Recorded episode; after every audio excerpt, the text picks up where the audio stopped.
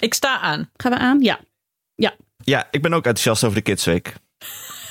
Ja, hou dit, hou dit, Ik denk dat ik mij hou na... dit heel even, want ik moet even aan de luisteraar vertellen wat er net is gebeurd. Want we hebben heel lang met Lin Bergen gepraat, van de correspondent, correspondent van de correspondent. Correspondent zorg en gedrag, volgens mij. Had Ja. ik moeten voorbereiden, maar volgens mij is dat het. Eh, vierde keer dat ze er was.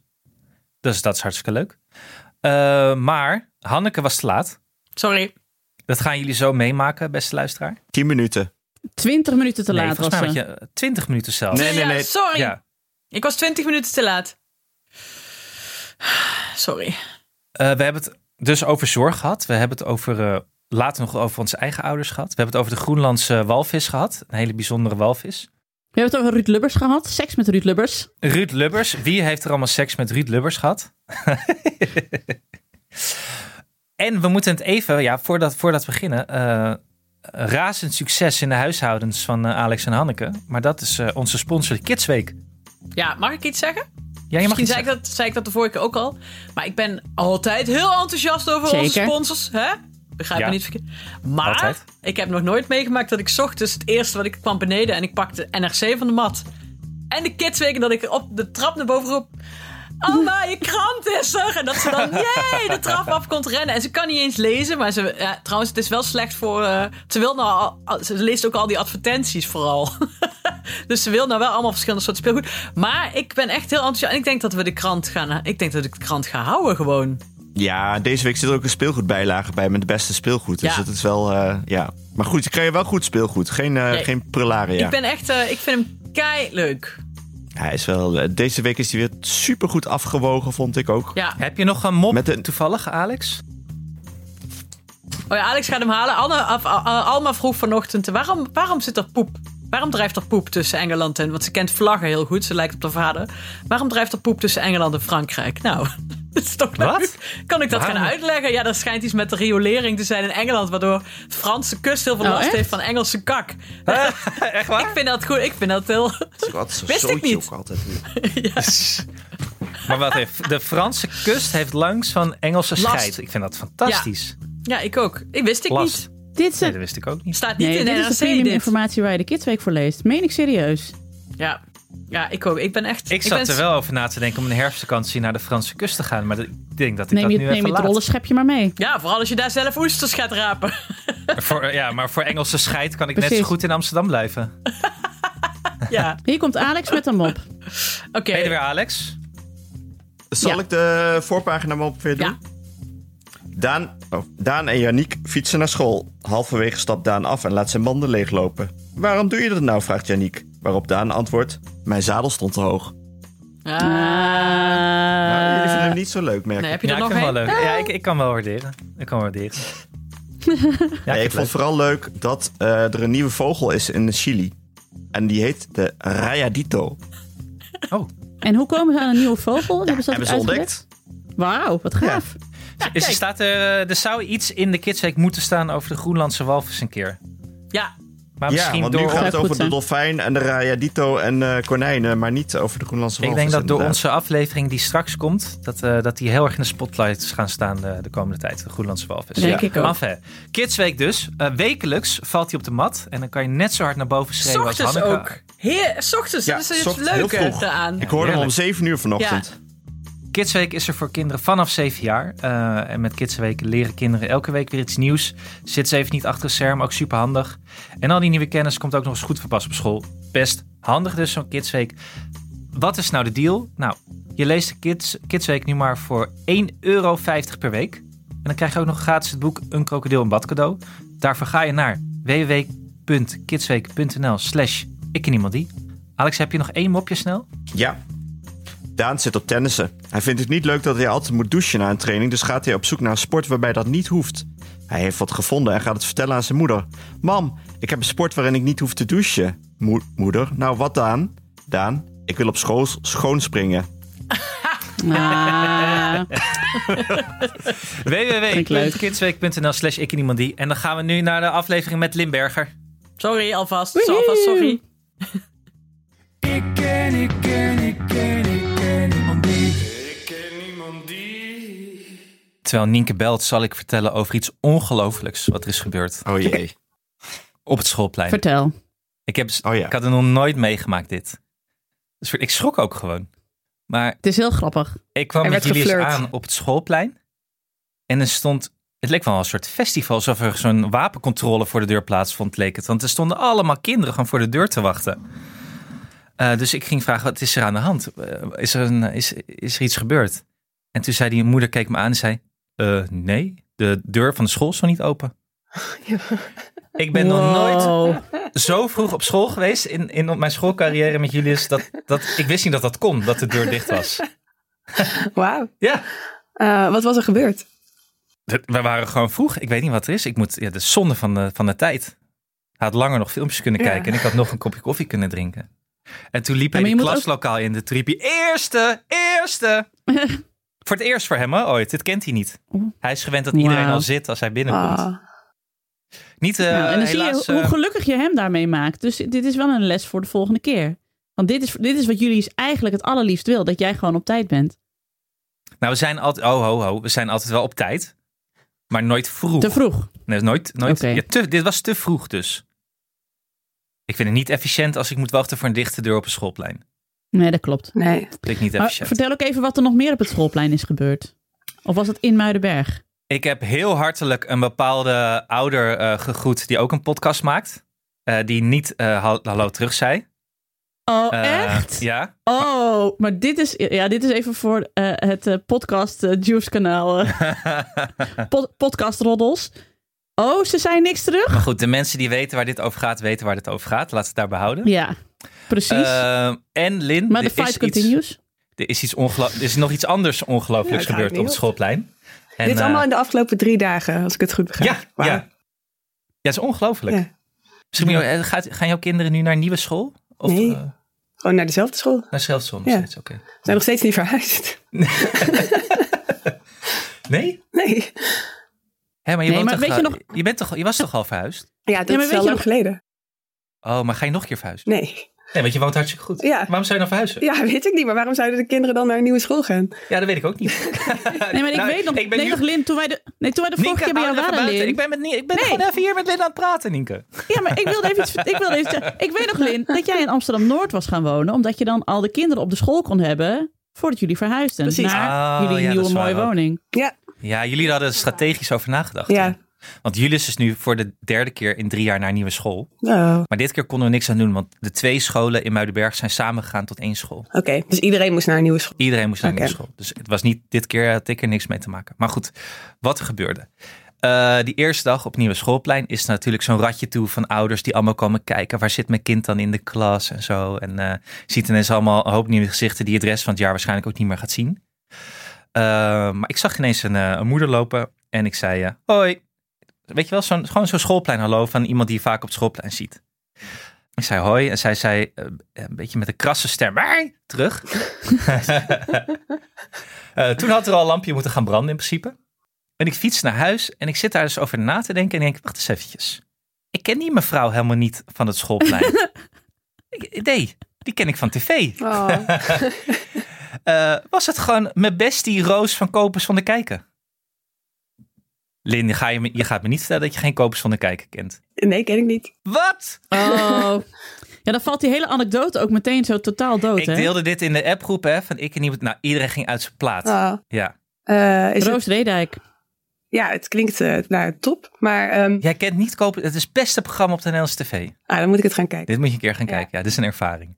Maar ehm het is wel grappig. Mijn vriend die maakt ook tv, maar die heeft altijd dit. Dat mensen hem herkennen, maar ze weten niet waarvan. En dan zeggen ze, oh, ehm, ja, hey, ja, jij bent toch van de tennisvereniging in eh, Amstelveen? Of, eh, oh, we hebben samen gestudeerd in Utrecht, toch? En, toch maar dat je zo, zo net wel herkend wordt, maar men niet weet waarvan. Ja, hij is, hij is een beetje eh, C-lijst bekende Nederlander. Ja, of D, ik weet niet. Maar in elk geval zo, zo net niet bekend genoeg om echt herkend te Ja, worden. precies, ja. Altijd- Ja, maar dit is heel gênant, want dit heb ik dus ook heel vaak. Dat mensen dus dan zeggen van, oh, je zat toch al op, eh, op volleybal in Emmeloord? Nee.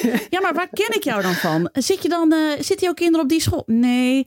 En dat je dan op een gegeven moment moet zeggen, misschien heb je me wel eens op tv gezien. En dat mensen zeggen, nee, dat kan het niet zijn. Eh, ga nog even door. Eh, zit je misschien daar? Wordt, het is heel Ja, gênant dat je zelf jij moet bent, zeggen, Jij bent wel, wel Ja, schurk tegen de A-lijst aan hoor, bekende Nederlanders. Nee, want weet je wat ik heb? Zeg maar dat ik op tv altijd heel veel make-up op heb. En in het echte leven heel weinig. En dat mensen dan dus je niet herkennen. Oh ja, Want ja. de meeste mensen kennen mij van Beat the Champions. En dan zie ik er gewoon heel anders uit. Dus dan, dan zitten mensen dus echt zo... Oh, heb jij ook niet eh, toen je in je, op je middelbare schooltijd bij de Albert Heijn in Zeewolde gewerkt? nee, nee, ook niet. Heel gênant. Ja, en Nee. ook inderdaad, als je dan zegt, misschien is het van tv, dan 9 van de 10 keer zeggen mensen, nee, ja, wij kijken nooit tv. Nee, precies. Hebben jullie wel een tv, Lin? Wat zeg je? Hebben jullie een tv? We hebben geen tv. Nee, ik dacht ik al een beetje. Nou, dat zijn van die mensen. Jullie zijn van die mensen, hè? Verschrikkelijk. Ja. Mission. Ik heb nu een, eh, ik heb een nog grotere tv gekocht. Hoe groot? Na 55 inch.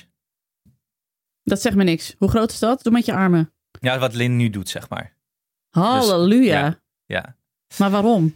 Nou, ik ben een beetje van de weeromstuit. Ben ik weer een tv-kijker geworden. Omdat je bent verhuisd naar, Ja. naar Muidenberg. En omdat ik het, eh, ik vind lineair kijken toch eigenlijk ook wel lekker. Dus ik doe ook niet meer echt aan terugkijken. Ik ben op het moment aan het kijken. En dat bevalt me eigenlijk wel. Ik kijk ook weer reclames. Ik moet zeggen, dat bevalt me eigenlijk ook wel. Ja, dat snap ik wel, want als je niet lineair kijkt, dan word je soms zo overweldigd door alle opties. Te veel. Ja. Ik kan het niet meer handelen. Ja.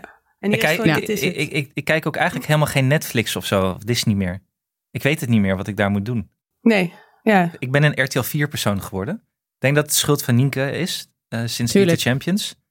Trek mensen naar RTL 4. Ja, en ik ben daar blijven hangen. Ik ben een eh, B&B voor liefde, alles gekeken.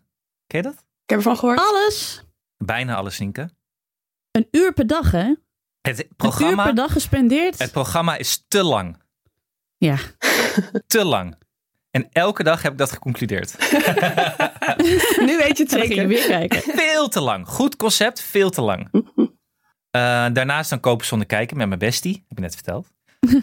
Alex, ja, Alex eh, verklaar je nader. Je was tien minuten Echt, weg. al- alles, alles ging uit en kapot en liep vast.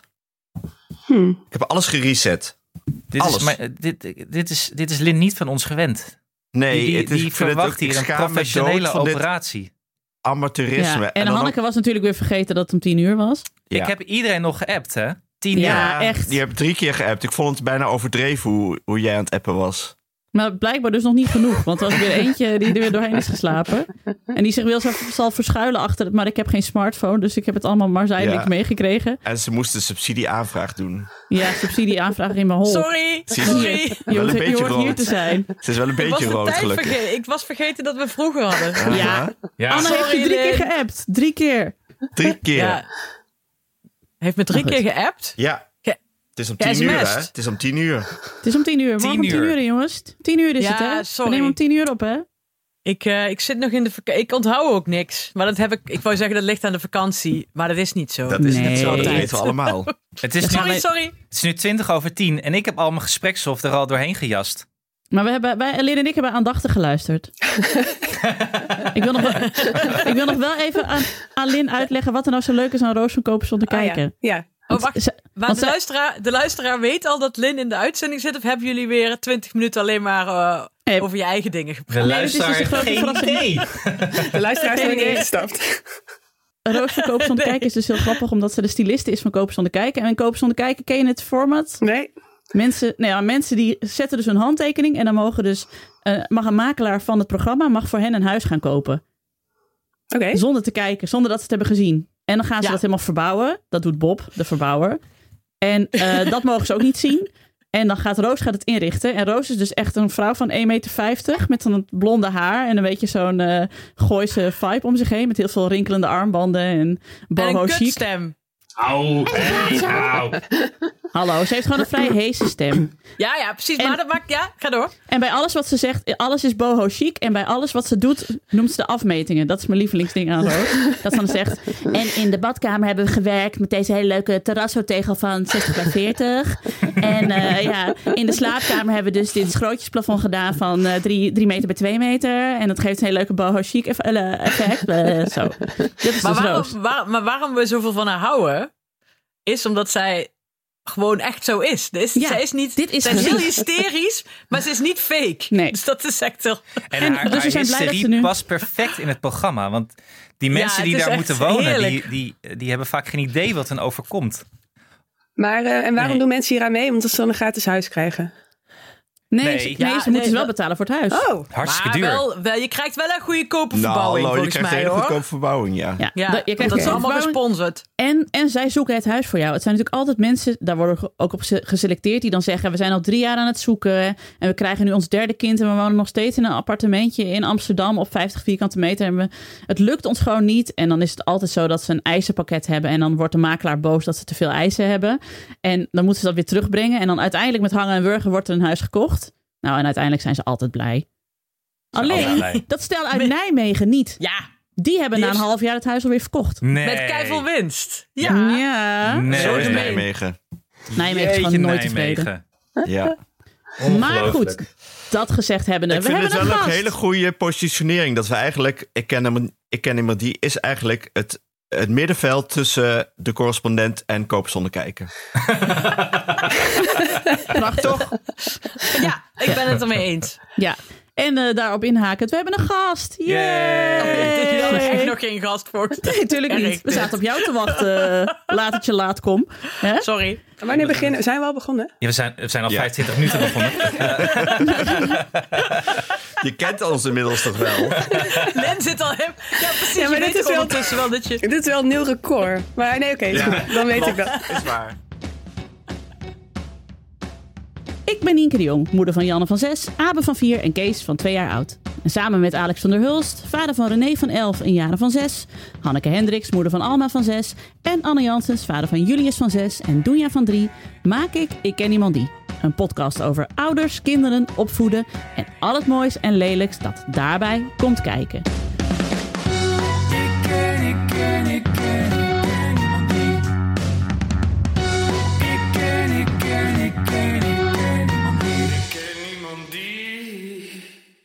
Met in deze aflevering Lindberger! Ze is terug. Is dit de vierde keer? Derde keer? Vierde volgens mij. Derde. Derde, vierde of derde? Ik weet, Vierde het, keer al? niet. ik weet het niet meer. Oh. Eh, eerste keer was het natuurlijk over de tweede. Mhm. Eh, hoeveel kinderen heb je inmiddels? Nog steeds twee. Daar, oké, daar, daar houden we het bij. Ja, oké. Hoe oud zijn ze nu? Eh, de oudste is 8,5 en de jongste is eh, vorige week 6 geworden. Een meisje en een jongen, toch? Ja. Hoe heet ze ook weer? Elisa is de oudste en Oscar. Elisa en Oscar. Oh ja. Ja, en we hebben het met jou over Alison Gopnik gehad, weet ik Oh ja. nog. Ja. Dat is leuk. En eh, Dat is toen hebben we het eh, eigenlijk nog een keer over de tweede gehad, want er was een nieuwe uitgave. Dus Oh, dat ja. was de derde keer. Oh ja, je hebt gelijk ook. ja. wat was Gopnik ook weer? Die, dat was wel leuk, maar ik ben even vergeten wat... eh, wat Ja, was dat Alison Gopnik, Amerikaanse ontwikkelingspsycholoog, die eh, hele fijne en slimme theorieën heeft over het grootbrengen van kinderen en het zorgen voor kinderen. En eh, Ja.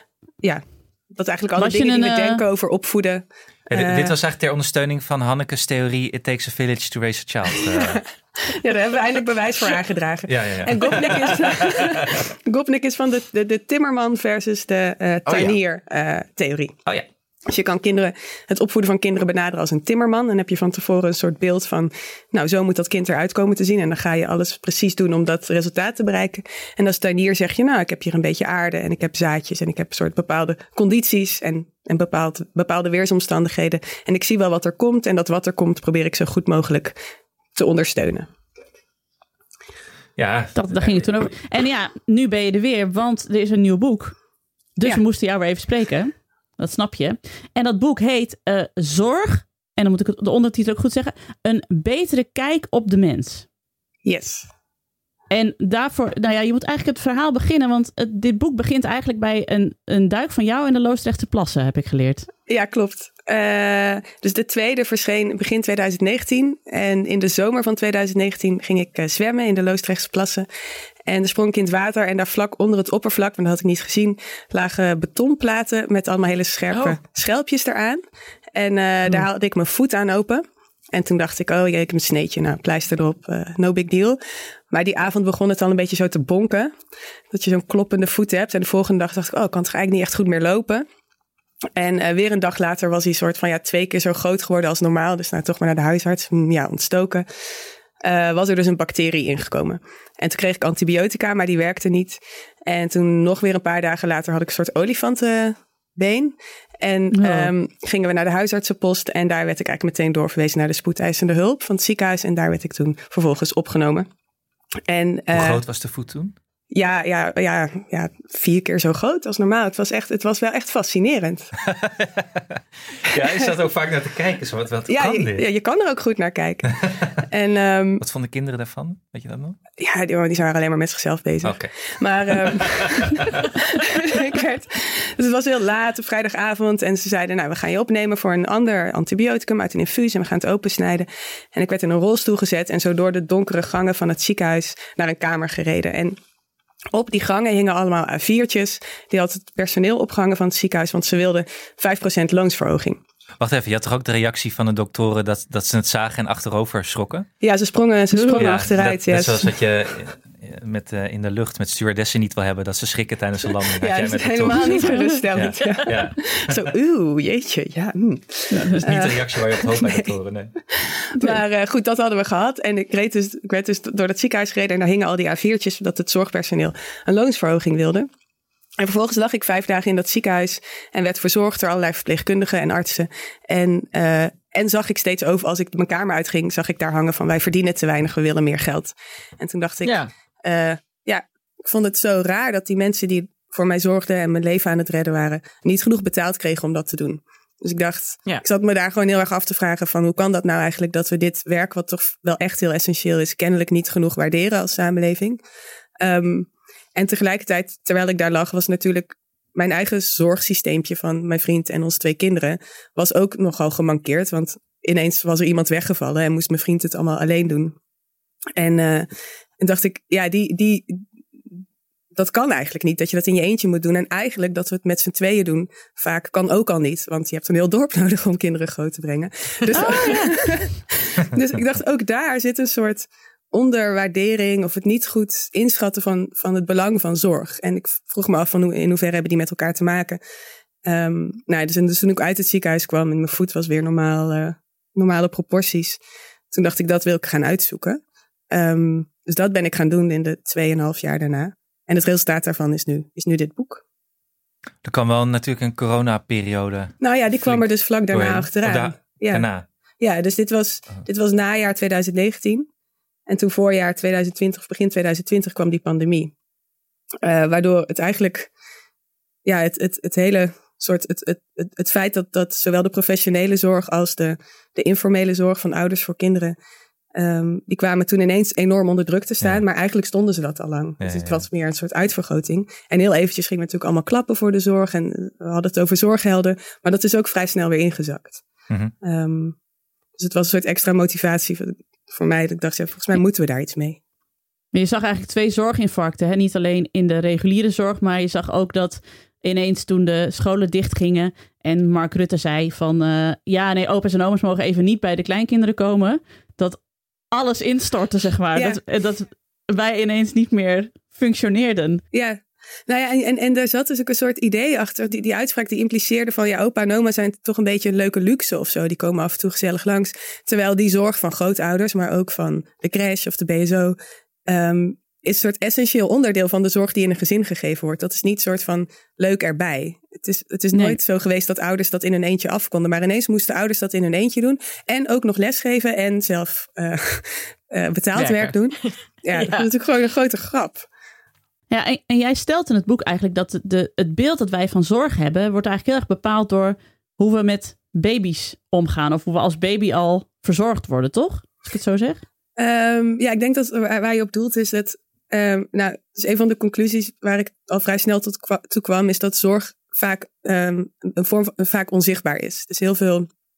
Ehm, we zien zorg vaak niet. eh, eh, we zien vaak niet hoe groot het is en hoe belangrijk het is. En dat komt omdat het vaak achter gesloten deuren plaatsvindt. Ehm, ook omdat het eh, vaak. Het heeft, zorg is een beetje zoals onderhoud. Het, houdt, het, het zorgt ervoor dat dingen blijven gaan zoals ze gaan. Maar eigenlijk valt het pas op als het misgaat. Dus tijdens zo'n coronacrisis valt op van... oh ja, het is eigenlijk best belangrijk. Maar als alles gewoon maar loopt... dan, ja, dan kun je er makkelijk overheen kijken. En zorg heeft ook de neiging zichzelf onzichtbaar te maken. En dat zie je het best bij hoe ouders met kinderen omgaan. Ehm, want heel veel zorg, de zorg van ouders voor kinderen heeft eigenlijk als doel... om kinderen het gevoel te geven dat ze heel zelfstandig zijn. Dus dan zeg je tegen, eh, tegen je zoontje... Oh, wat een lekkere koekjes. Heb, je die, heb jij die helemaal zelf gebakken? Goed hoor. Terwijl jij degene was die Ja. bloem klaarzette en de suiker en de boter en de eieren en die het mixte en die, die nog vormpjes stond uit te snijden terwijl je zoon al lang geen zin meer had die ze in de oven heeft gezet. Nou ja, nog los van de bakker, eh, de bakker die eh, voor het eh, meel zorgde of de molenaar, whatever. Ehm, dus ook mensen die zorgen zijn eigenlijk geneigd om hun eigen bijdrage aan, aan de ander kleiner te maken. En dat is ook zo in de professionele zorg. Dus volgens verpleegkundigen zeggen ook van ja, een heel groot deel van wat ik doe, dat zien, zien patiënten niet. Dat is, zo ontzorg ik ze. Dus ik ben vaak buiten de kamer. In verpleegkundige in het ziekenhuis zei, ja, de patiënt ligt in de kamer. En die heeft geen idee dat ik intussen aan het bellen ben met de fysiotherapeut, met de thuiszorg. Dat ik aan het overleggen met de arts over de medicijnen. Die patiënt denkt gewoon, oh, daar verschijnt een medicijn en ik genees. Ehm, Ja. dus het is een heel zorgzame daad om je eigen zorg een beetje kleiner te maken. Alleen dat zorgt er dus wel voor dat we heel lang kunnen denken dat we veel minder zorg nodig hebben dan we eigenlijk nodig hebben. En niet alleen als kinderen, maar ook als volwassenen zijn we eigenlijk voortdurend afhankelijk van allerlei vormen van zorg. Zeker, onze baby's zijn echt achterlijk wat dat betreft natuurlijk. Ja, die zijn kampioen. Ja, die, hebben zoveel zorg nodig. Ik bedoel, zo'n olifant staat meteen op als hij wordt geboren en rent er vandoor. Ja, En die kinderen, daar, in ieder geval die kinderen van mij, dat duurt, eh, dat duurt eindeloos. ja. Nee, van alle dieren is alleen de, de Groenlandse walvis doet er langer over om volwassen te worden dan, eh Dat is dan heel de mens. specifiek dit. Ja. voor, voor de rest is het... alleen de Groenlandse. dat is daar gebeurd dan. Nee, andere walvissen zijn, zijn, eh, zijn sneller dan de mens. Maar eh, Ja, nee, men, de, Groenlandse, de Groenlandse walvis baalt er zelf ook van. ja, die wordt misschien ook wel een stuk ouder. Ik weet het niet hoe oud ze worden. Ik ga dit ook echt kunnen. gebruiken bij mijn kinderen. Dat ik echt zo, ik, nu zeg ik heel vaak, als ze iets niet willen doen, zeg ik, ik zweer het je, zeg ik al, je hebt toch geen polio, kom op, zelf doen. Ja. Te- totdat, totdat mijn schoonzus, die dat ook heel vaak zegt, eh, op haar werk dat zei, en dat iemand zei, oh, mijn moeder heeft dus daadwerkelijk polio Oh. gehad. Oh, Dan zei zo, oeh. Maar goed, nu ga ik gewoon zeggen van, eh, je bent toch geen Groenlandse walvis, kom on. Misschien moeten we dat ook op een t-shirt laten zetten. Een tegeltje. Ja, ik wil twee tegeltjes met je hebt toch geen polio aan je klauwen en je bent toch geen Groenlandse walvis. maar goed, oké, wij zijn dus vrij sloom in groot worden. Mensen, ja, mensen doen er heel erg lang over eh, om groot te worden en zijn dus heel lang afhankelijk van zorg. Ehm, en, Ja, dat Is dat, is dat omdat wij heel goed kunnen zorgen? Zodat ze denken, ik doe lekker rustig aan? nee, ja, is het, is ander, het, is alle, het is een soort wisselwerking geweest in de evolutie van onze soort. Dus eh, op een gegeven moment, ja, je hebt, je, hebt, je, hebt, een hulpeloze baby die veel zorg nodig heeft. Nou, dus, dus zijn bepaalde volwassenen die, die, die, de vaardig, die, die empathisch waren en zorgzaam, zijn goed voor die kinderen gaan zorgen. Ja. waardoor, ehm, eh, waardoor eigenlijk de volgende generatie kinderen weer nog net ietsje hulpelozer kon zijn. ja, precies. Ehm, dus zo, zo werden we steeds hulpelozer, maar ook steeds beter in het zorgen Ja. voor, eh, voor onze kinderen. Tragisch. Ja, oké. Tragisch. Tragisch. Nou hoe, hoe goed kunnen die Groenlandse walvissen dan zorgen? Dat zijn de kampioenen. Die zijn fantastisch. Misschien, Ja. moeten we, ja, misschien kunnen we daar wel wat van leren nog. Wat als, doen die eh, dan? ja, dat weet ik niet. Zou moeten, ik- we, moeten we Freek Vonk een keer uitnodigen hiervoor. Ja, precies. We moeten shirt hebben met ik ben een Groenlandse walvis. Nee, maar jij, jij noemt dat in je boek een open loop systeem, vond ik een mooie term. Van wij kinderen zijn een open loop systeem. ja, wij mensen. Ja, dus Maar mensen. Dit moeten we wel even uitleggen, de jong. Ja, mag jij uitleggen, Lin? Oké. jouw, het is jouw term. Ja, ik heb, ja, nou, ik heb er meer van drie eh, psychiaters, drie Amerikaanse psychiaters eh, uit, uit een boek. Maar die zeggen de mens is eigenlijk een open loop system. Dus je hebt gesloten feedback systemen die eigenlijk zichzelf reguleren. En je hebt open systemen die ehm, een ander systeem nodig hebben om te kunnen functioneren. Dus bijvoorbeeld een auto heeft een bestuurder nodig om te kunnen rijden. Een kraan heeft een mens nodig die die kraan open en dicht doet om te kunnen stromen. En zo hebben ook mensen altijd andere mensen nodig om, eh, ja, om te kunnen functioneren. En ook dat zie je bij baby's heel erg goed. Dus als er niet één of twee of drie volwassenen zijn die, die de hele tijd voor dat kind zorgen, dan blijven ze niet warm, dan kunnen ze niet eten of drinken. Nou, dan gaan ze eigenlijk in de kortste keren dood. Ehm, maar wat eigenlijk het punt is van die psychiaters is, die loop raakt nooit gesloten. Dus we blijven altijd afhankelijk van andere mensen om ons heen om onze emoties te reguleren, om ons van voeding en onderdak te voorzien. En, ehm, en dat, ja, dat kenmerkt ons heel erg, dat we zo open zijn. En het, het grappige aan dat beeld vind ik dat het heel erg contrasteert met ehm, eigenlijk de soort de ideale mens die we wel voor ons zien in, in geïndustrialiseerde westerse landen. En dat is namelijk juist een soort gesloten, autonome container die niemand anders nodig heeft, die eh, alles, nou ja, die zichzelf eh, naar boven vecht en die ehm, juist heel onafhankelijk is. En dat, dat Ja. is een soort fantasie, want hele niemand self-made eh, Ja. fantasie Ja. die mensen erop nahouden. Ik heb het allemaal zelf gedaan. Ja, Ik had het allemaal zelf doen, mensen- zelfstandig. Ja, en, en als je het dan echt niet redt, nou ja, dan, dan moet je misschien maar aan mantelzorger vragen. Eh, maar voor de rest eh, hebben we het allemaal niet nodig hoor. Eh, kunnen we Nou, best, zelfs dat niet, die mantelzorgen, want het juist in de alle zelfregie zit van toch maar zelf doen. Of zelfhulp. En Hmm. eh, ja. ja, je moet het zoveel mogelijk zelf doen. En dat is inderdaad ook de, het, is het, het, het idee van de verzorgingsstaat. En dan gaan we, lijkt een soort grote sprong, maar het idee van de verzorgingsstaat was ooit van eh, mensen hebben hulp nodig om te, te zorgen voor zichzelf en voor hun naasten. Dus de staat gaat daarbij helpen. Ehm, meestal, ja, dus, dus door, door voor onderwijs te zorgen en toegankelijk eh, eh, gezondheidszorg, maar ook door te zorgen dat in een gezin, dat een gezin kan rondkomen van één salaris. Eh, zodat de andere partner, en dat is dan de vrouw, kan zorgen. Ehm, maar die is de afgelopen decennia de- natuurlijk een soort omgevormd tot een participatiesamenleving, waarin eh, het idee is, nee, niet de staat, maar jij zelf moet voor jezelf zorgen. Ja. En, Hmm. en, en je, dat betekent niet dat je, dat je niet om hulp mag vragen, maar dat moet je dan doen in je omgeving en niet bij de overheid. ja. Ja. Lang leven het neoliberalisme. Mhm. Ja, er ik komt nou even een rant van drie kwartier over het neoliberalisme. Nee. Is er ook iets veranderd in de status van de zorgende? Degene dus die de verpleger, de, de, zie- de ziekenhuismedewerker, maar ook de bejaarde verzorger? Eh, sinds, eh, sinds wanneer? Ja, weet ik eigenlijk. De laatste jaren heb ik eh, het idee dat er ook eh, de, ja, dat de jongeren wat minder graag een verzorgend beroep wil. Hmm. Nee, dat is niet zo. Er is toch Nee. een enorme instroom in de zorg, Nou, ehm, toch? Maar iedereen gaat er Eh, weer nou ja, uit, goed. volgens mij. ja, dat nou is ja, maar dus, Dus, eh, gewoon wat een hele ik, hoge werkdruk. Weinig. nee, maar wat, wat ik van Cynthia eh, weet, die de Lin, stage Lin zoekt. nee naast me, dus nu ben ik bang dat ik iets Nee. verkeerd heeft gezegd. Nee, je hebt Wat, het goed wat ik gezegd. dus Je hebt bij, Cynthia werk, die, die, die mbo-stages bij eh, verzorgende en verplegende eh, zoekt. eh, zijn veel jongeren die, het, eh, die er toch een zekere status in willen. En vooral niet met gehandicapten werken, niet met vieze, Hmm. vieze ouderen, niet met eh, ja, geen enge dingen. eh, en, en al snel een hogere status zoeken. Ja, nee, zorg heeft geen hoge status. En dat is. Ik, maar dat heeft het denk ik nooit echt gehad. En dat komt omdat het altijd geassocieerd is met. eh, in, in, in een soort van. Ja. In de kern geassocieerd wordt met vrouwen en kinderen. Eh, en dan ben je natuurlijk sowieso sta je dan 10-0 achter. als dat je de associatie is. Het, en, en, en de professionele zorg. En dan niet de chirurgen, maar wel de verpleegkundigen. Dat idee is toch een beetje van. Ja, dat is een soort dat, zijn mensen, dat zijn vrouwen die zijn intrinsiek gemotiveerd en die houden van zorgen voor anderen.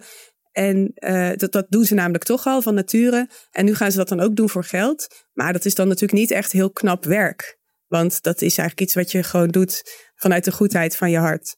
Ehm, dus ik denk dat deels de, de soort lage status van het, van het beroep, zeker van bepaalde, weet je, inderdaad verzorgende en, en verpleegkundigen, ehm, dat, dat dat daarmee mee te maken heeft. En het is natuurlijk ook, het is heel dienend werk. Ehm, wat in een tijd waarin je toch vooral allemaal maar jezelf moet manifesteren en het beste uit jezelf moet halen en moet scoren, Ja. is dat gewoon niet een heel aantrekkelijke propositie. En het is ook werk dat dus ehm, nou, vaak, vaak niet iets nieuws voortbrengt, maar als, het, als je het heel goed doet, dan is daarna, dan is nadat je voor iemand hebt gezorgd, is die persoon weer zoals die daarvoor was.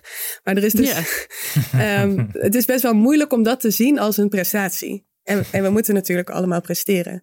Ehm, nou ja, en dan liggen de salarissen voor verpleegkundigen en verzorgenden ook nog eens 9% lager dan salarissen voor andere beroepen waar je vergelijkbaar opleidingsniveau moet hebben. Dat maakt het ook nou, niet alleen een soort onaantrekkelijk, maar ook voor heel veel mensen gewoon eh, financieel niet mogelijk om het te doen. Dus dat, Ja, dat speelt allemaal wel mee. Ik vond dat in. Ja, dat, Maar de, de, de sorry. vergelijking met onderwijs is heel groot, toch? Denk, denk ik met zorg. eh, Zeker, ja, maar er onderwijs is natuurlijk ook, eh, en dat is zeker sinds de afgelopen decennia zijn er dus veel meer vrouwelijke docenten bijgekomen, vooral in het basisonderwijs, is ook een soort, eh, eh, dat zijn mensen die intrinsiek gemotiveerd zijn, die het leuk vinden om met kinderen te werken, want dat deden ze toch al van nature. Dus het is dezelfde soort rare... maar die status, die status is wel verschoven van, eh, van leraar die, die eigenlijk vooral lesgeeft en een hogere status had naar nu wat meer verzorgend Mhm. van ja. aard. Ja, niet van aard is, maar van beeld of zo.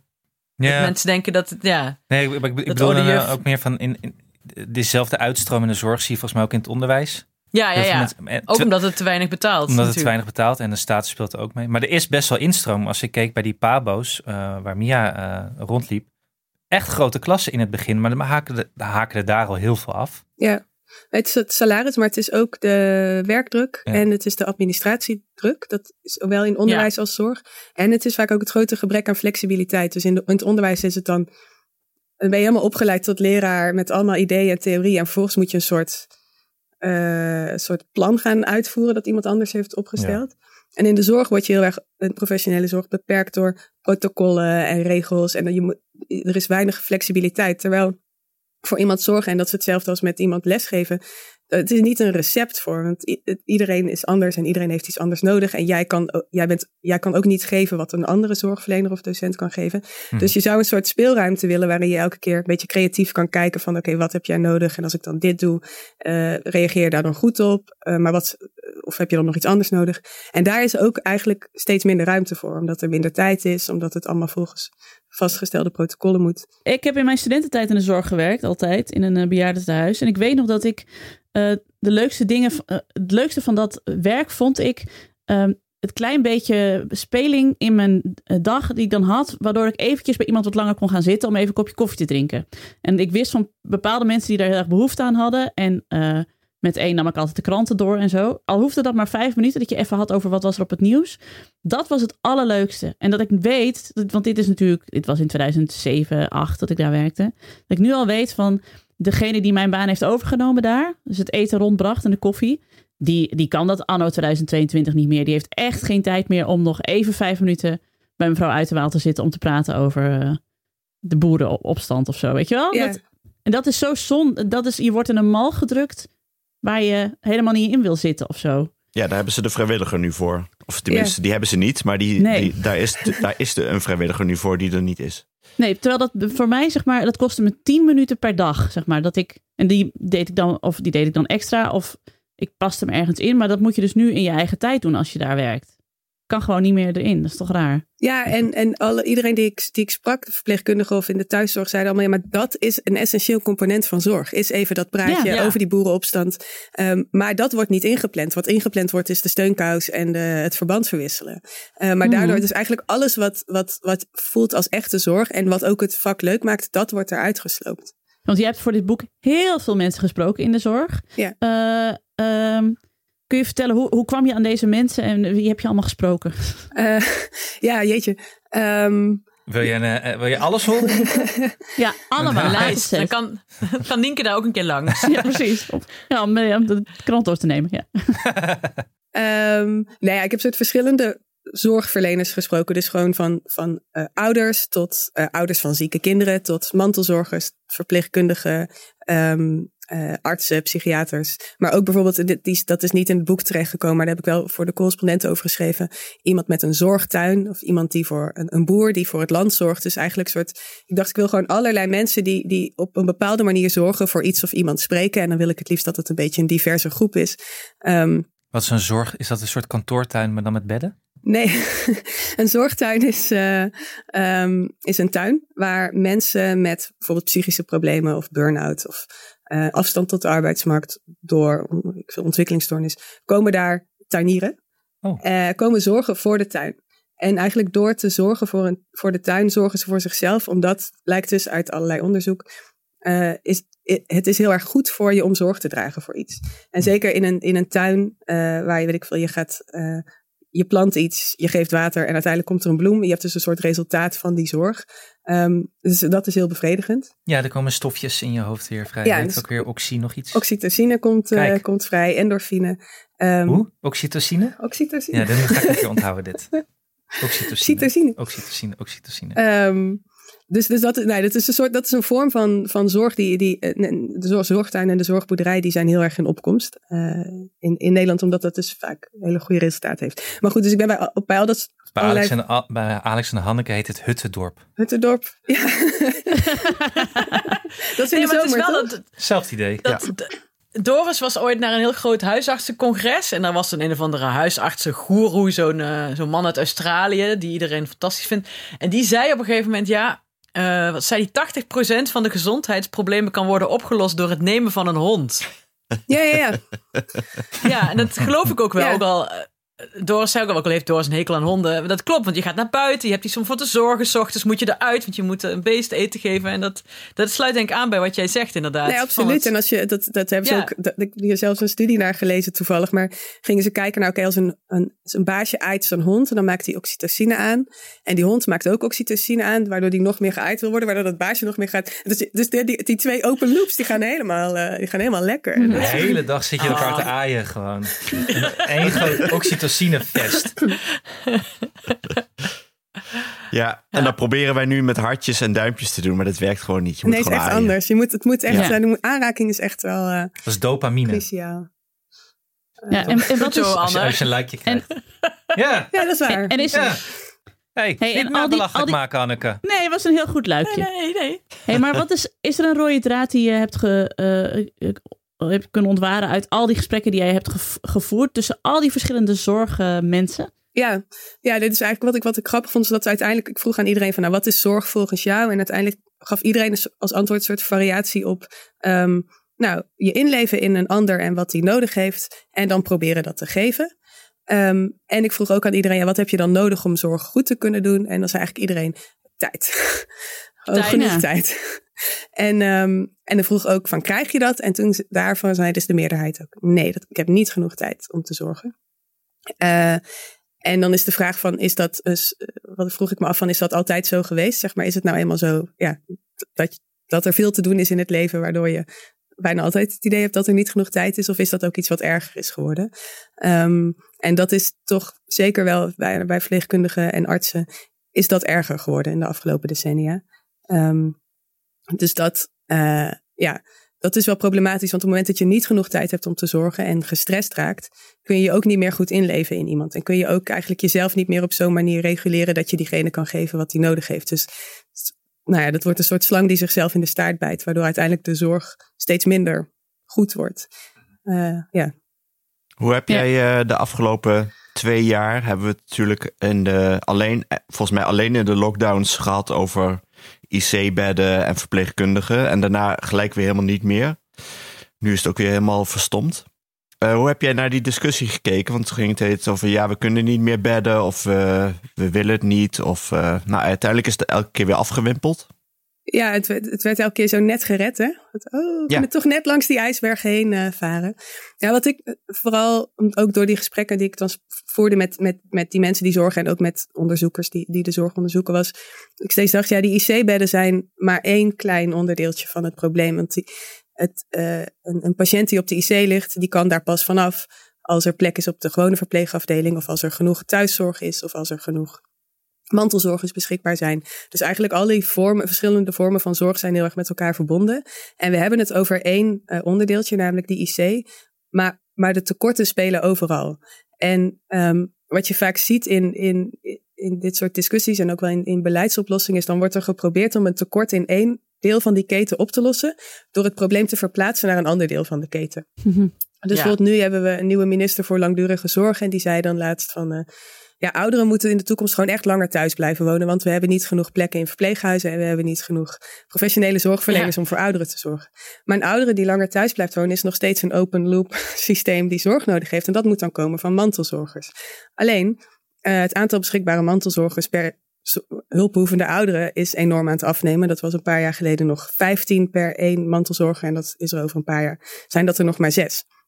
Eh, mantelzorgers hebben vaak zelf ook nog kinderen waar ze voor moeten zorgen. Ehm, en de kinderopvang, daar is geen plek, want er is te weinig, eh, er zijn te- daar te weinig mensen die daar willen werken. Dus je, je denkt dan dat je een probleem oplost, maar je verplaatst het eigenlijk gewoon naar een andere plek. Ehm, dus, dus ja, wat ik vooral dan steeds dacht bij die discussie was, wat zou het fijn zijn als we een soort konden uitzoomen heel erg. Dat je de hele keten aanschouwt en dan ziet van, oh ja, zorg is eigenlijk altijd een schaars goed. Het is niet alleen op de IC eh, nu even, maar er, er, is nooit, er is altijd meer vraag naar zorg dan dat er aanbod is. Dus eigenlijk zou het gesprek moeten gaan over hoe kun je dat schaarse aanbod dan zo eerlijk en zo goed mogelijk verdelen. Ehm, Ja. Maar dat is best wel ingewikkeld en ook vrij abstract gesprek, waarvan ik ook wel snap dat we dat niet rustig gaan zitten voeren op het moment dat er een derde coronagolf eh, aan het pieken is. Ehm, maar ik denk wel dat het daar naartoe zou moeten. Het gebeurt al een beetje toch, natuurlijk, in de zorg. Dat dat, die keuzes, die worden wel gemaakt al. Om het eerlijker te verdelen. Nou, hoe het Ja, ik weet niet of het eerlijk is, maar er worden natuurlijk altijd keuzes gemaakt wie wat krijgt en waarom Ja, uiteindelijk. ja maar dus, dat is vaak nog wel ehm, een beetje ad hoc of zo. Oké. Heb ik het idee. Ja, mensen zijn toch vaak bezig dingen, hun stoepjes schoon te vegen of iets Hmm. over de schutting weer aan het gooien Ja. bij iemand anders. Ja, Ja.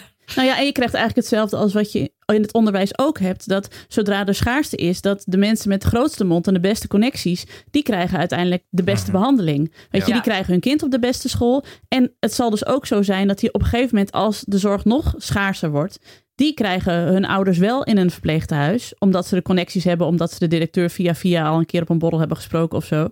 En de mensen die die connecties niet hebben, die mogen mantelzorgen totdat ze erbij neervallen. Want die krijgen hun ouders niet meer in een Mhm. verzorgingstehuis. Want die weten Ja. niet hoe dat moet.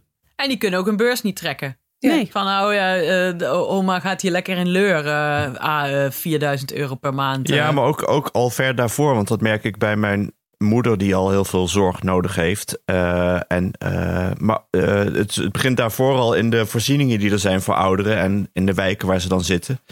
Dat is niet overal hetzelfde. Dus eh, ja, in de ene plek kunnen ze terecht voor allerlei dingen. En de andere plek totaal niet. En dan moeten er dus weer anderen inschakelen. En dan gaat de gezondheid weer achteruit. En dan, ja, ja. Het is precies die loop eh, die Lin noemt. Die, eh, die gaat daar al natuurlijk al mis. Ook zeker als je daarop gaat korten. Wat gaat er dan mis bij je moeder? Nee, bij mijn moeder gaat het niet mis, omdat die het dus wel, om- wij en zij het goed geregeld hebben, omdat ze ook in een kleiner dorpje zit. Maar het gaat mis als je, eh, als die mensen nergens terecht kunnen en vereenzamen en gezondheidsproblemen krijgen en dan weer, weer extra zorg nodig hebben, wat er dan weer niet is. Of eh, ja, omdat er dus telkens weer ergens iets weggehaald wordt. Ja, en dan, dan neemt de druk toe op, ma- op mantelzorgers. Maar dat zijn vaak mensen die ook nog misschien betaald werk hebben of kinderen om voor te zorgen. die- Dus dan raken die Ja, ook of- weer uitgeput. Ja, ja. Zeker als je er dan in wijken zit waar mensen dus niet even snel vrij kunnen nemen, maar 40 uur per week ergens moeten zijn. En dan, Ja. ja. dan krijg je de grote problemen. Ook Staan met, met kinderen. ja. Er staan in mijn dorpskrantje altijd eh, van die oproepjes voor mensen die dan eh, een dagje in de week koffie willen drinken met een oudere. In de...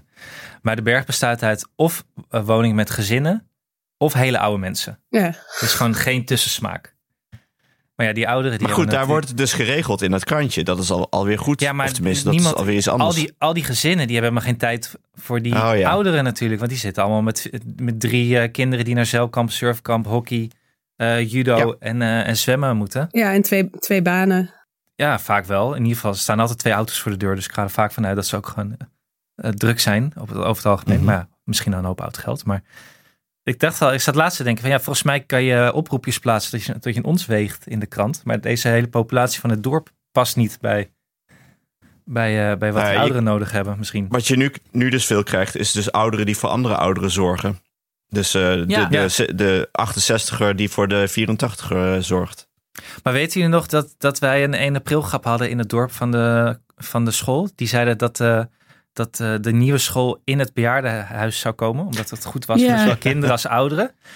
En alle ouders die stonden op hun kop. En ik dacht, wat een goed idee. Heel goed idee. Ja, dus ik was, echt, toch wel best... ik was teleurgesteld best dat dat niet kinder- doorging. Dacht, dit is de oplossing inderdaad voor al die berichtjes in de krant die, waar, die maar blijven komen. Ja. Doe gewoon die kinderen daarheen. Je hebt toch ki- kinderopvang en bejaardentehuizen in één ding. Heb je toch, dat werkt toch heel goed, schijnbaar? Ja, nee, Tenminste voor de bejaarden in elk geval. Nee, maar voor kinderen, is het, kinderen. eh, voor kinderen is dat Oh ja. ook goed. Want ehm, dat is ook weer waar Alison Gopnik over schrijft. Dat je als kind, eh, als, eh, als kind dat opgroeit, ehm, gebaat bent bij eigenlijk een soort heel diverse scala aan rolmodellen en aan opvoedstijlen en opvoeders. En dat het dat is ook ehm, eigenlijk soort het evolutionaire nut van grootouders, zeg maar, zit hem voor een heel groot daarin. Dat je van een opa of oma Ja. iets heel anders leert op een heel andere manier dan dat je dat van je ouders of je broertjes of zusjes doet. Ehm, dat is ook eigenlijk ja, de verklaring die mensen, die evolutionaire biologen aandragen voor het feit dat er überhaupt vrouwen nog in leven blijven na de overgang. Maar je zou eigenlijk denken, ja. Sorry, Nee. ik moet een beetje... Ah. Gelukkig hebben we toch nog een zorgtaak. ja. Nadat we nutteloos zijn Nee, geworden. maar dat is een soort, soort decennia lang is dat echt een soort mysterie geweest onder biologen. De grandmother paradox. Van hoezo Ja. alle bijna overal in het dierenrijk, op het moment dat je als vrouw niet meer vruchtbaar bent, ga je gewoon dood. Want je hebt geen nut meer. Ja, nou, maar mensen, fair enough. mensen, vrouwen leven nog 20, 30 jaar door. Why? Nou, en uiteindelijk hebben ze dus bedacht, gewoon misschien... Podcast maken. Dat moet, ja. ja, dat is het. Wij, wij wel in Ja. elk geval. Wat is de soort eh, verklaring van, en dat hebben ze later ook nog wel een soort kunnen stutten met, eh, met cijfers en, en data, maar dat, dat eh, die grootmoeders eh, gewoon een hele belangrijke bijdrage leveren aan de zorg voor die kleinkinderen. En dat een van de redenen dat, dat eh, mensen vrij snel na de geboorte van een eerste kind nog een kind kunnen krijgen, ondanks het feit dat het grootbrengen van een kind zo takkenveel werk is, omdat ze zo vreselijk kwetsbaar zijn, bijna zo kwetsbaar en afhankelijk als de Groenlandse walvis, is omdat hun moeders, omdat de oma's helpen met de zorg voor die kinderen. En daardoor kunnen ze er nog eentje krijgen. Ehm, er zijn ook bijvoorbeeld studies die aantonen dat als vrouwen eh, redelijk in de buurt wonen van hun moeder, is de kans dat ze een tweede of derde kind krijgen een stuk groter dan wanneer ze uit de buurt wonen van hun moeder.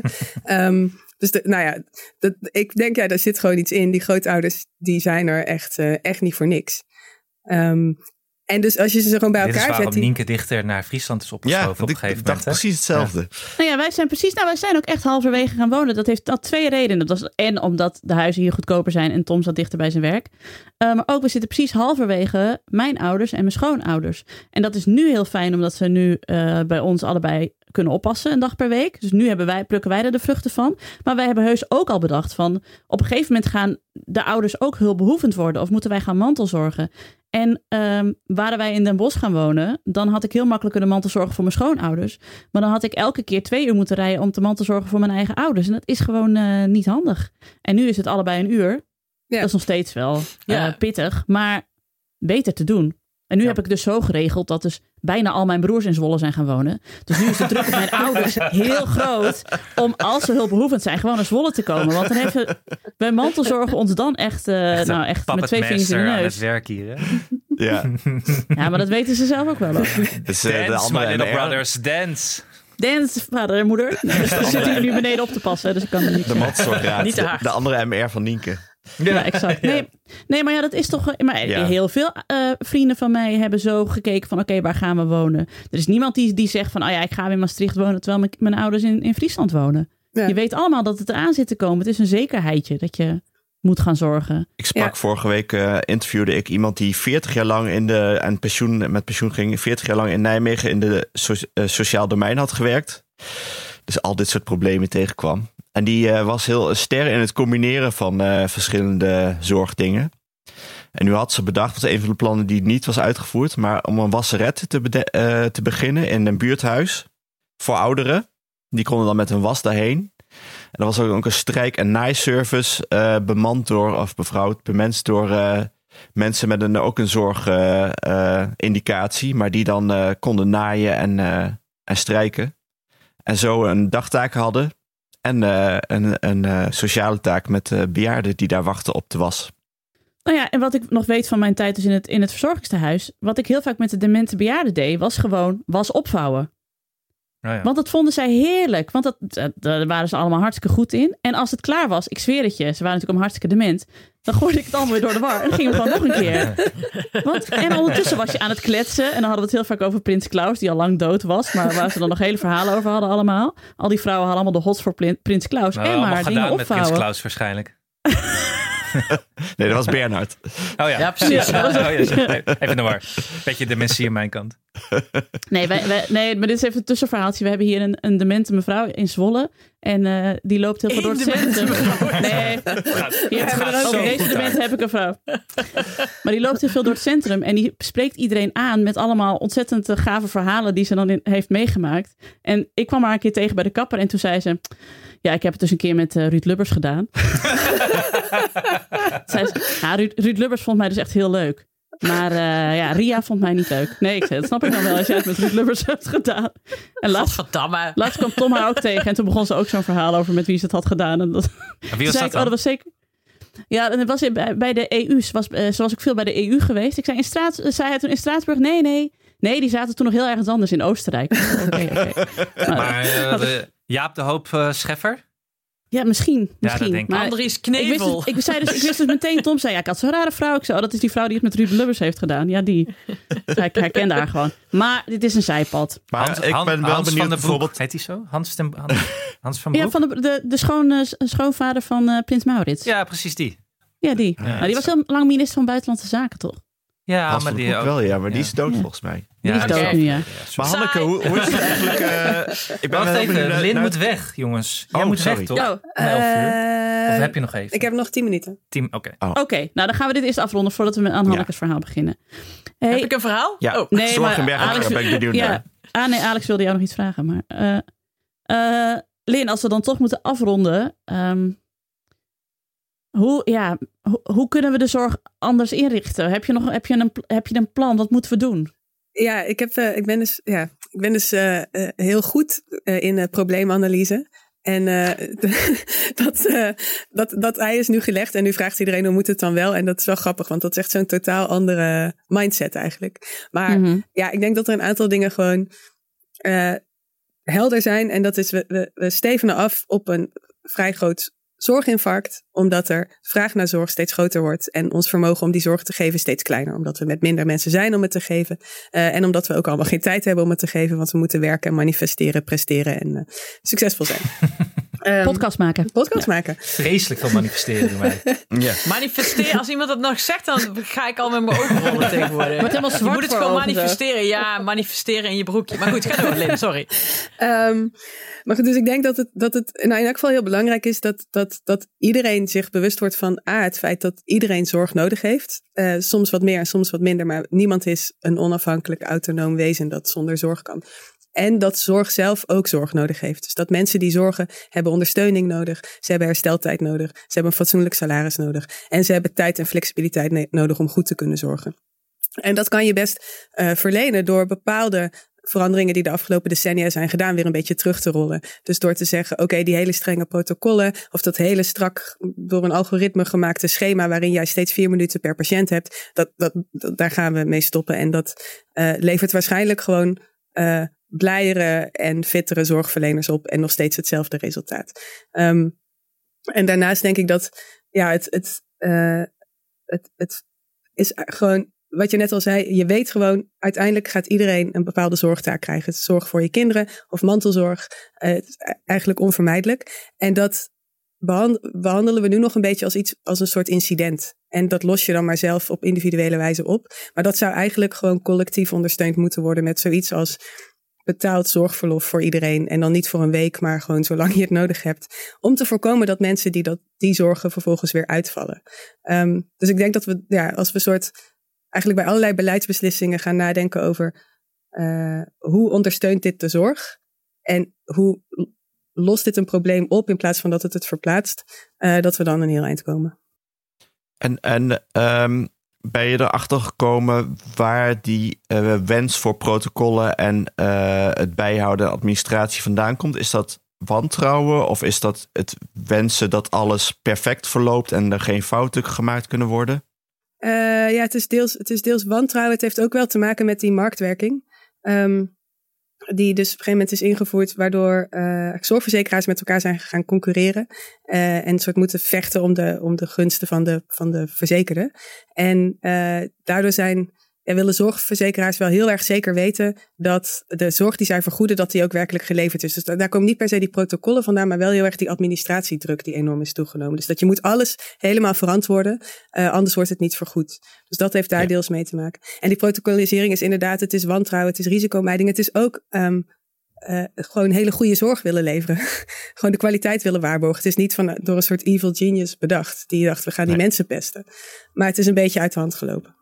Dan moet je door eens op LinkedIn volgen, dan zie je dit soort voorbeelden. Ga ik doen. Ja. Is zij het- LinkedIn-influencer, Doris? Eh, nee, niet, niet. niet eens. Maar af en toe komt het langs en dan vind ik het wel. Dat, hij doet alleen in de echt tragische gevallen dat ik denk: wow, dit is wel. Ja, soms is hij boos. Echt heel een boos. stukje. Als een bedrijf, een letselschadeadvocaat hem voor de achtste keer vraagt of die meneer zonder benen wel echt niet kan lopen. Oh ja. Ja, dan wordt hij boos. Ja. Ja. Hij moet eigenlijk de politiek in. Hij komt ook uit een politiek eh, nest. Nee, maar hij laat het alleen weten als hij echt boos is. Terwijl die, Ja, die, die LinkedIn-influencers eh, elke dag wel een verhaaltje hebben. Ja. Maar ik denk dat we gewoon allemaal drie edities. Dat, ieder, dat het, het beste advies is dat iedereen gewoon drie edities koopt. Van jouw Eh, boek? Van jouw boek, Lin. Eentje voor hem zelf te lezen. één om aan je broer of zus te geven die in de zorg werkt. En één om aan degene van je gemeenteraad te Ja. geven, denk ik. Ik vind het een eh, uitstekend idee. Ja. Nee, ja, even buiten de verkoop. Je doet Zorg het natuurlijk uit altruïsme. Nee, maar ik denk het echt. Eh, Ja, ik heb wel een paar zo. mensen waarvan ik denk, eh, die ga ik het boek even geven. Ja. Nou, dat is fijn. Ja. Graag. ja. Dank dat je dit allemaal voor ons hebt uitgeplozen en zo mooi hebt opgeschreven. En eh, dank dat je ook weer aanwezig eh, wilde zijn in onze podcast. Was heel gezellig. Als je weer een boek hebt geschreven, Ja, Kom ja, gerust weer langs, Wat hè? ben je nu aan het doe het dan voor ons. Doe het voor ons. Ik, Je zit vast midden in iets nu. Eh, nee, echt bijkomen van Oh, de bijkomen, vakantie. Ja. Van die voet. Ja, van de vakantie. van het Van het zorgen de hele dag. Maar heb je een idee? Heb je, Ja, ik- Of zit je echt eh, te Ik ga gewoon nog heel lang door op dit onderwerp. Het is, echt, het is zo groot en er is zoveel Oh, je over, blijft eh, even in de zorg. Ik blijf? Je blijft in de zorg. Ik blijf in de zorg, ja. Heel Ja, over de vakantie gesproken, pas hoorde ik iemand zeggen: God, het was weer net een corona-lockdown. Oh. Ja, maar goed, Klappen voor jezelf als je terug bent. precies. Thanks jongens. Weer geen bonus gekregen. Hey, Nee. dankjewel Lin. Doei. Ciao, Leen. Ik ken, ik ken, ik ken, ik ken iemand die. Ik ken iemand die. Het is wel leuk als we een beetje ook met dit soort onderwerpen over eh, grotere onderwerpen kunnen gaan praten. Over een beetje wat ons te wachten staat qua toekomst. Dat Precies. het, Ehm, je bedoel je dat we wat diepgang in onze Ja, podcast? precies. Mensen die Nou, eens, eh, wel al- iets onderzoeken. Wel als side van- note, wat mij betreft. Ja, ik ben het Diepgang helemaal als met je side eens. note. In plaats van, ik ken iemand die, ik heb eh 100 mensen gesproken. In plaats van, eh, ik, ken iemand die, ik heb een probleem met de gemeente over mijn heg. Ja. maar ehm, voordat, Oh, we weer, eh, voordat we weer naar de oppervlakte opstijgen. vanuit de diepte. En de, Ja. de, de- de- ja. Eh, ik was benieuwd hoe het met de zorg in Bergharen was voor de ouderen. Heb je daar überhaupt een soort Ja, we hebben twee. eh, ja, nee, eh, volgens mij heb je in het buurthuis wel dingen, maar je hebt hier, ik, ik weet, je hebt hier geen bejaardentehuis. nee, dat tehuis, weet nee. ik. Dan ga je naar Druten voor of naar Maar je hebt wel twee eh, dorps, eh, eh, twee, twee dames hier in het dorp die je als ouderen kunt aanspreken als je zorg nodig hebt. En Volgens mij zijn er wel wat faciliteiten die je kunt regelen hier. Ah, daar heb ik me helemaal nog nooit in verdiept, maar ik heb het wel in het krantje al gelezen. Daar kun je. Ze hebben een bepaalde naam, buurt, zorg, of dorpsbegeleider, zoiets. Ik weet het niet. Ja. Ik heb het Intrigerend. Ik gevoel dat, wel waar ze wonen trouwens, dat wel. Dus ik zou kunnen aanbellen. ik heb dus ook het gevoel dat bij, bij mijn ouders in de buurt... dat de, de kerk daar ook gewoon een hele grote rol in speelt. In het, eh, zeg maar... eh, eh, uit de eenzaamheid trekken van ouderen en zo. Want mijn moeder moet ook heel vaak... dan is er iemand jarig en dan gaat ze weer een bloemetje brengen vanuit de kerk. En dan is er iemand zoveel jaar getrouwd. En Ja, de kerken hier in de buurt sluiten, sluiten allemaal om de beurt. Ja. Dus dat is die gemeenschap hier is, hebben soms wel connecties met de kerk, maar die spelen zich toch meer, merendeels af in het, eh, Meestal hebben ze het gebouw het of zo. dorpshuis hier. Ja. Ja, maar dus ik denk dus ook dus dat, die, dat je dat dus ook over een paar jaar gaat zien. Dat ze dan zeggen, oh, er zijn veel meer ouderen in eenzaamheid gekomen. Dat dan een van de redenen gaat zijn de ontkerkelijking. Omdat mensen dat sociale netwerk kwijtraken. Denk ja, ik echt. Ja. dat is er al bij, bij mijn moeder in het dorp. Maar daar heb je dus weer de andere de stichtingen voor. En, de, en, en ze hebben dus in het gebouw van de kerk nog wel eh, activiteiten. Ja, maar dat Ja. is dus het probleem met van die stichtingen en met zo'n buurtzorgnetwerk, mevrouw. Dan moet je dus als mantelzorger, al- of nee, als zorgbehoevende, moet je altijd zelf aan de bel trekken. Ja. En dus over je eigen schaamte heen stappen Ja, en zeggen: precies. Ik ben eenzaam, ik Ja. heb iemand nodig. Ik Klopt. kan mijn eigen steunkous niet meer uittrekken. Maar Wie komt me die helpen? lat- ik vind wel dat die lat hier best laag ligt. Oh. Ja, maar toch wel, Qua- mijn moeder er ook wel over. Het laatste is, dat is ook het probleem. eh, voor ouderen is dus dat hun vrienden en kennissen allemaal overlijden. Echt de een naar de Ja. ander. Ja. Dus ze had iemand om daarmee naartoe te gaan en die eh, overleed. Ja, nou moet ze weer een nieuw iemand zoeken of een nieuwe tafel. En er is toch ook wel altijd heel veel kift en haat en nijd. Ja, wat wij ook hebben. Zij haten ook heel veel mensen. Ja, Ja, zonder de- reden. Daar wil ik niet bij zitten. En die zit alleen maar te- dat te doen. En dat, En dat die was vroeger een. NSB'er. Ja, Ja. dit zijn niet mijn soort mensen. Oh, dat soort verhalen Oh, weer. mijn Ja. oma haatte iedereen in haar verzorgingstehuis. Fantastisch Oh, die vond ik mensen- dat altijd. Er wordt heel veel gehaat daar. Heel veel. Ja. Echt pest ook, Dat hè? is, ja, echt. dat is net een kleuterschool hoor. Ja. Nee, ik zat nog. Dus- zat, eh, mijn moeder is dus heel erg ziek, hè? Die heeft, die heeft eh, eh, kanker. Maar gelukkig Ja. is mijn vader er nog om voor haar te zorgen. Want ik zat laatst te denken. Het was echt een ramp geweest. Als ik, en met die twee kleine van, van zes en twee of vijf en eh, 6 en 3 en 5 en 2, wat ze toen waren toen mijn moeder dat kreeg. Als ik ook nog voor mijn moeder had moeten zorgen, dat had ik helemaal niet gered. Nee. Zonder, Nee, hoe maar hebben dat is jullie het nu wat, wat ingericht net dan? zegt, dat is natuurlijk heel ingewikkeld. Om dat allemaal te combineren. Ja, nou ja, hoe- ja mijn vader is er hè, en die, eh, die, is, die, is met, die is net met pensioen. Ja, die, die neemt het allemaal voor zijn rekening. En er zijn een paar vriendinnen van mijn moeder hoor, die er heel erg bij springen. Ehm, ik heb daar gewoon niet, geen tijd voor gehad. Zeker niet toen ik nog vol een dag en nacht zat. Dat is nu iets rustiger gelukkig, maar dat had ik niet gered. Nee. En er zijn natuurlijk mensen die wel in zo'n situatie zitten en die dat voor een, op een eigen bordje Maar- krijgen allemaal. Ja. Om ook nog voor hun ouders te zorgen en kleine kinderen te hebben. En misschien ook nog een baan te hebben om de gas en licht te kunnen betalen thuis. Dat, eh, Ja. Holy shit. Nou, en ik, ik merk het toen mijn vader overleed en mijn moeder dus, die was al afhankelijk van hem. Dus we hebben toen een soort systeem opgezet met vrienden en activiteiten. En dus ze heeft nu elke dag iets. Hmm. Maar wat je ook zegt, wat, wat ik nog zou hebben van, eh, ja, ik, ik, ik ga het niet altijd, het gaat soms wat stroef tussen mij en mijn moeder. Dus als ik daar eh, twee keer per week had gezeten, had ik ook gewoon met tegen mijn zin gezeten, hadden we ruzie gekregen. Was er Ja. ook een hoop gedoe geweest. Ja, dat wil je ook niet. Je wil dat toch... eh, je moet dat... Ja, Je moet die relatie Ja? goed houden. En soms vergt voor de relatie dat, dat je een beetje afstand van elkaar neemt. Maar als je mantelzorgt kun je die afstand niet Nee. Maar daar komt het weer op neer wat Lynn net zegt. Dat je dus de zorg voor de mantelzorger is ook belangrijk. Ja, want dat vond ik ook wel, dat hoorde ik in een ander interview dat Lynn had gegeven. Dat er dus ook een paar jaar geleden sprake was van, van moeten we mantelzorgers ook gaan betalen? En dat daar heel veel weerstand tegen was van ja, maar dat doe je toch uit altruïsme. Je, je wordt er niet betaald om voor je eigen moeder te zorgen. En dat Lynn in dat interview ook zei, ja, maar eh, de CEO van een heel groot bedrijf doet zijn werk waarschijnlijk ook met heel veel plezier en toewijding en een zekere empathie. Maar die wordt er ook gewoon voor betaald. Het is zo, Ja, Ja, en soort- zeker in gevallen waarin je, eh, ja, wat nog niet genoemd is, maar een deel van de zorg is ook gewoon eh, billen afvegen en dat soort dingen. ja, Niet raar dat je daarvoor betaald wordt. Dat, dat is juist hetgene waar je voor betaald wordt. Terwijl wat jij zei, de krant doornemen is iets wat het leuk maakt. ja, wat je nodig hebt om dat Ja. andere werk ook vol te houden.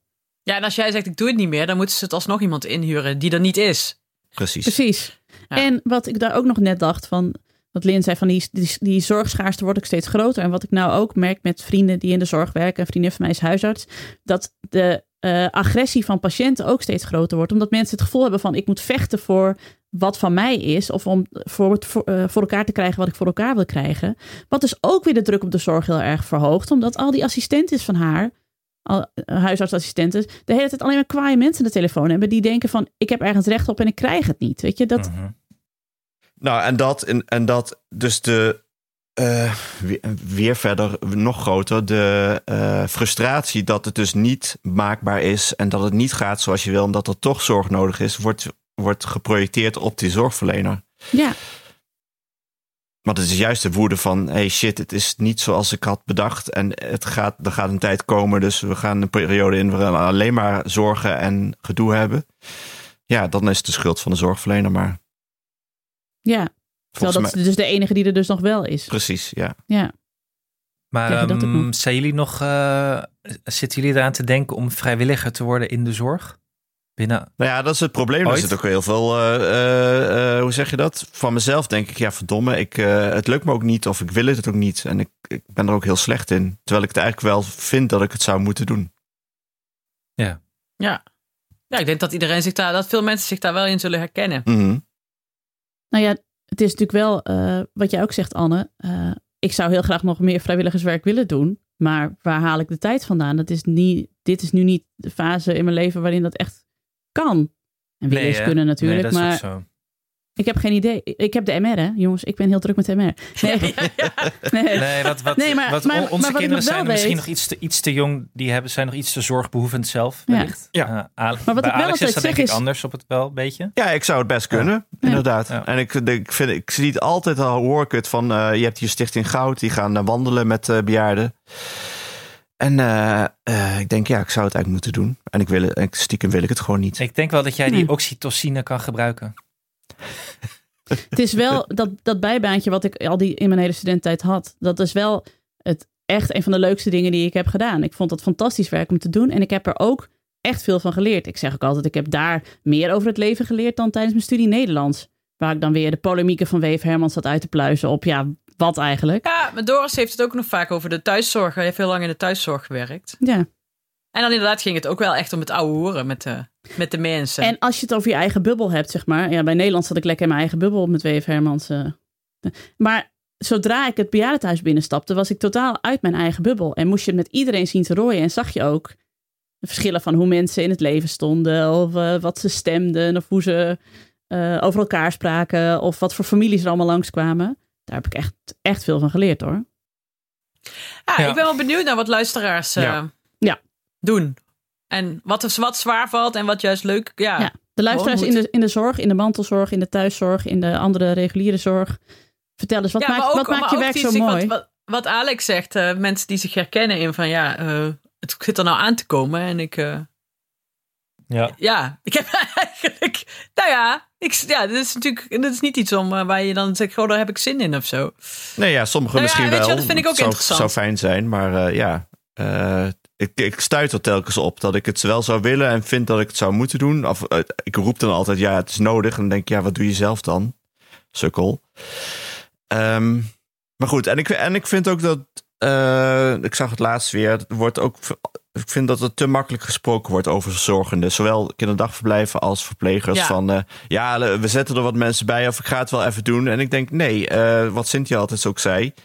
Je, je, je, je vertrouwt je kind, maar ook je ouders niet toe aan iemand die dus zegt van ja, doe ik wel even erbij. Je wil Nee. gewoon Nee, een goed opgeleide, verantwoordelijk persoon.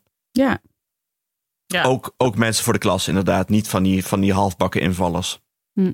Nee, dat klopt. Ja, Hey, Ja. Hanneke, moet jij trouwens veel zorgen voor je moeder of niet? Nee, nee, mijn moeder heeft wel, dat met mijn vader heb ik daar, net wat Alex net zei, geluk mee gehad. Dat mijn moeder, eh, die zelf overigens haar hele leven in de zorg heeft gewerkt. Waaronder ook heel veel geriatrische zorg. Dus die heeft het toen met mijn vader heel goed gedaan. En nu eh, merk ik wel dat zij zelf nog heel, heel, heel vief, want ze heeft dus net een cabrio gekocht. Oh ja. Heeft ze die nog steeds? Ja, die heeft ze nog steeds. Het dak open. Er is wel een ding afgewaaid, waardoor het heel erg waait in die auto, maar dat maakt haar dan ook niet uit. Eh, eh, en ja, ik moet wel zeggen, die woont, en dat scheelt ook, die woont in een heel erg eh, betrokken buurt. Dus daar wandelt iedere dag de hele dag iedereen binnen. Maar dan is mijn moeder ook wel het type waar iedereen bij binnen wandelt de hele dag.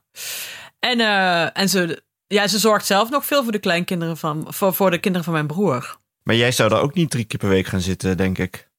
Als Nee, maar dan krijgen mijn moeder en ik ruzie. Ja, dat zou het ook Dat hebben we met mijn vader toen wel gemerkt. toen ik daar veel kwam. Nou, nou, nou. Nee, dat is niks. Nee, nee. Ik, als ik daar wekelijks kom, dan hebben we eigenlijk binnen, nou, drie maanden. dus, eh, dus daar heb ik wel eens over nagedacht. Maar ik weet wel dat zij toen, maar mijn vader heel dement aan het worden was, had zij een hele goede case manager. Ja. Die ook heel erg op haar lette eigenlijk. En toen mijn vader werd opgenomen, ging dat eigenlijk omdat het bij mijn moeder niet meer ging. Niet omdat mijn vader toen zoveel slechter werd. Ja, ook wel natuurlijk. Er was wel een bed beneden en dat soort dingen. Maar dat ging vooral over de druk op mijn moeder. Maar ik vind wel, eh, wie echt goud zijn, zijn die vriendinnen van mijn moeder. Of eigenlijk van mijn ouders. Ja, Dus laten, we, mijn- laten we afspreken voor over eh 40, 50 jaar. Als we allemaal in Zwolle wonen. Want waarschijnlijk, ik zie, het ziet ernaar uit dat we dan allemaal in Zwolle wonen. ja dat Janne dan allemaal en Kees van.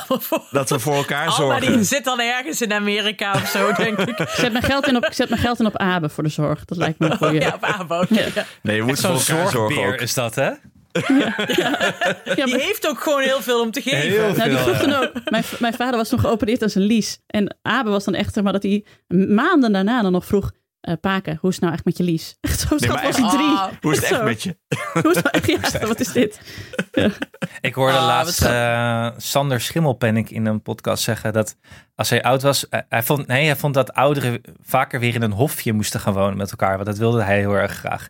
En dat zag ik ineens ook wel voor me dat ik dat wilde, inderdaad. Ja, er zijn Ja. mensen die dat. daar- ik heb er wel eens een keer proberen uit te zoeken. Nou, daar mag iemand wel mij even over mailen. Eh, ik ben dat ooit eens gaan uitzoeken, want je hebt dus eh, ook mensen die een soort woongroep nu al aan het opzetten voor als ze dus later In oud Nijmegen. zijn. In Nijmegen heb je die. In Zwolle. Ja, en dat je dat dus. Dat je dan dus met z'n allen collectief zorg zelf inkoopt. Ja. Waarschijnlijk Dus zi- dan- zitten Anne en, en Sander Schimmelpenning dan op een van hun kastelen dan in een hofje. Zo'n Ja, hele wij er wel grote weet je wel. Ja. Dus als het gaat over stromen overal, dat je dan ook nog... Ja. eh, Moet iedereen Nee, over die kloof heen springen om daarbij Ah, te komen? ik- Ja, dan zuster Clivia die daar dan stal in voor je, woont, ja. Alex. Je krijgt een Een mooi stal, stalletje ja. van me. In een manege. Nee, maar voor mij heb ik het ook wel eens verteld. Ja? Die hebt ook in Zwolle heb je zo'n, voor mij het Knarrenhof of zo. En dat is dus zo'n wooncentrum. Daar mag je ook alleen wonen als je, als je 55 plus bent of zo. En die woningen zijn ook bewust goedkoop gehouden. Zodat ook mensen met een modaal inkomen daar gewoon kunnen wonen. Of met een AOW, weet ik het. Een huur en koop door elkaar. En je tekent dus als je daar gaat wonen ook een soort van convenant van...